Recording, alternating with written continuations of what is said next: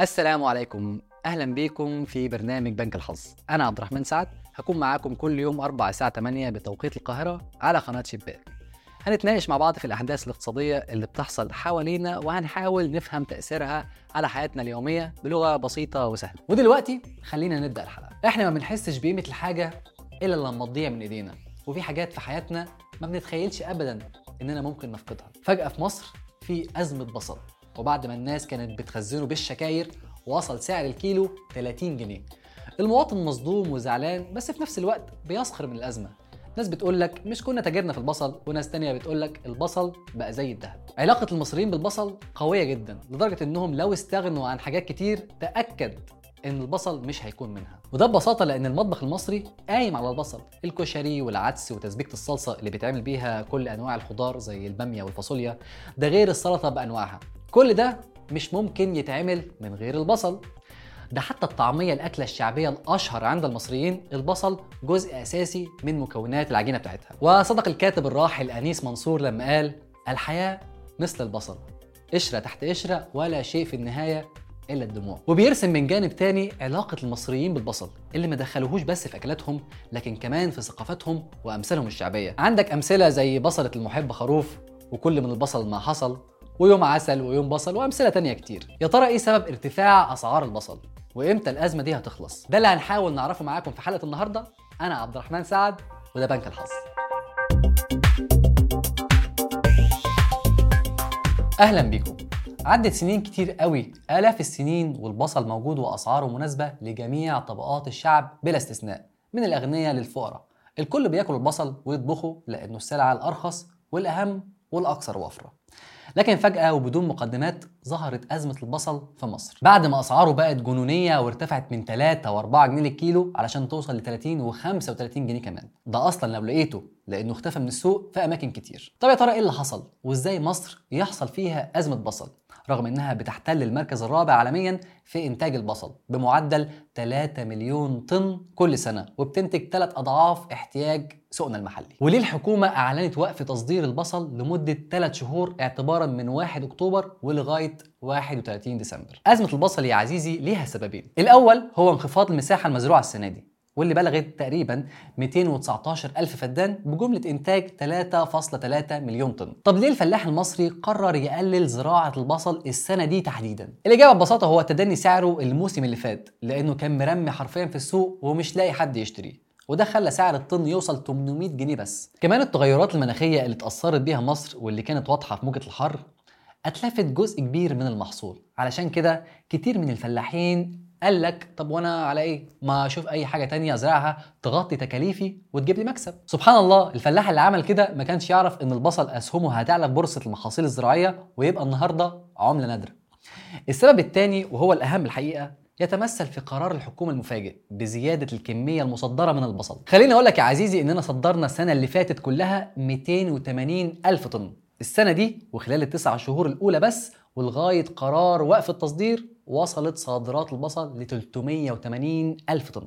يعني زيادة قدرها 100 ألف طن من احتياجات السوق المحلي. وده خلى البصل يحتل المرتبة الثالثة في صادرات مصر الزراعية. هنا تدخل كبار التجار واستغلوا نقص الكميات في السوق علشان يعلوا السعر لأن البصل زيه زي أي سلعة تانية بيخضع لقواعد العرض والطلب. السوق فيه كميات بصل قليلة والعرض عليه كبير يبقى سعره هيزيد. وده بالظبط عكس اللي حصل السنة اللي فاتت لما كان السوق فيه كميات بصل كبيرة تفوق العرض عليه. وعشان كده سعره انخفض. طيب اشمعنى البصل اللي الحكومة قررت تزود صادراته فجأة؟ الطمع يا عزيزي.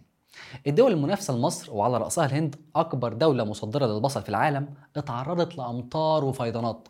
قضت على جزء كبير من محصول البصل. وده خلى الحكومة هناك تفرض ضريبة قدرها 40% على تصدير البصل لغاية نهاية 2023 بهدف طبعا توفيره في السوق المحلي اللي واجه أزمة غير مسبوقة. كان ليها تأثيرات سياسية وصلت لإسقاط حكومات في عدد من الولايات.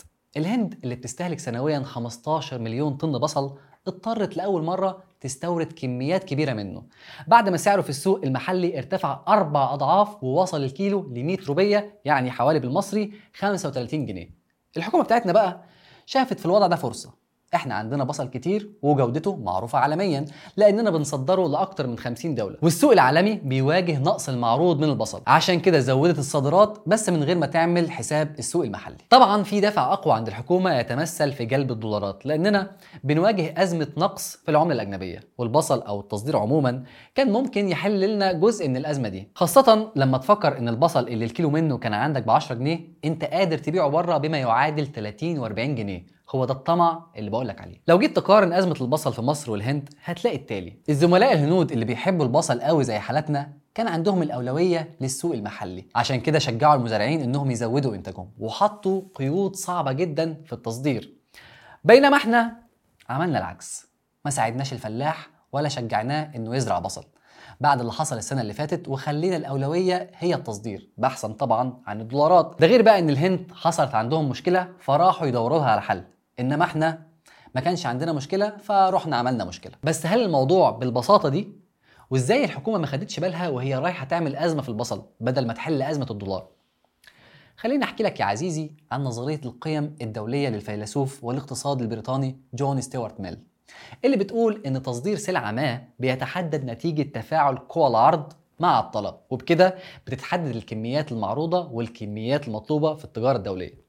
ومن النظرية دي ظهرت مجموعة أسئلة زي مثلا إزاي نحدد كمية الصادرات أو الواردات لدوله ما والأهم بقى إيه هي معدلات التبادل الدولي اللي بتتم وفقها التجارة الدولية؟ ممكن نلخص الكلام المعقد ده في جملة بسيطة أبهاتنا وأمهاتنا بيقولوها لنا وهي من يحسب الحسابات في الهنا يبات وعشان أفسر لك أكتر خلونا نسقط الكلام ده على موضوع البصل في مصر. مصر عندها وفرة في البصل. وبتصدر كميات كبيرة منه. في نفس الوقت عندنا أزمة دولار بتهدد اقتصادنا. على الصعيد الدولي بقى في أزمة بصل نتيجة لعوامل كتير منها زي ما قلنا فيضانات الهند مثلا. مصر اللي عايزة دولارات قررت في لحظة إنها تستغل الأزمة وتضاعف صادراتها من البصل وبالتالي حصل خلل وانعدام توازن داخل السوق المحلي. يعني حكومتنا حلت المشكلة في دول تانية كتير وخلت المواطن الأجنبي يلاقي البصل بسهولة وبأسعار مناسبة لكنها اضرت بالمواطن بتاعها اللي فجأة لقى عنده أزمة في البصل على طريقة هدف ولكن في مرمانه ممكن حد يقول لي أنت بتبالغ يا عبد الرحمن والموضوع ببساطة كان فرصة حلوة ممكن نستغلها ونطلع منها بقرشين حلوين لولا جشع التجار اللي هو بوظ السبوبة. هقول لك يا عزيزي ده البصل الأحمر بتاعنا بيتباع في كارفور دبي النهارده بحوالي واحد ونص درهم يعني حسبة 15 جنيه. وهنا السؤال إزاي البصل المصري يتباع في بلده ب 30 جنيه وبعد النقل والشحن والجمارك واللازم منه سعره يقل للنص ده غير إن نقابة الفلاحين كانت شايفة الأزمة من بدري وده اللي خلاها تطلب من الحكومة في شهر يونيو اللي فات وضع قيود على تصدير البصل. بس الحكومة عملت ودن من طين وودن من عجين وفضلت مكملة في زيادة الكميات المصدره بحثا عن الدولار.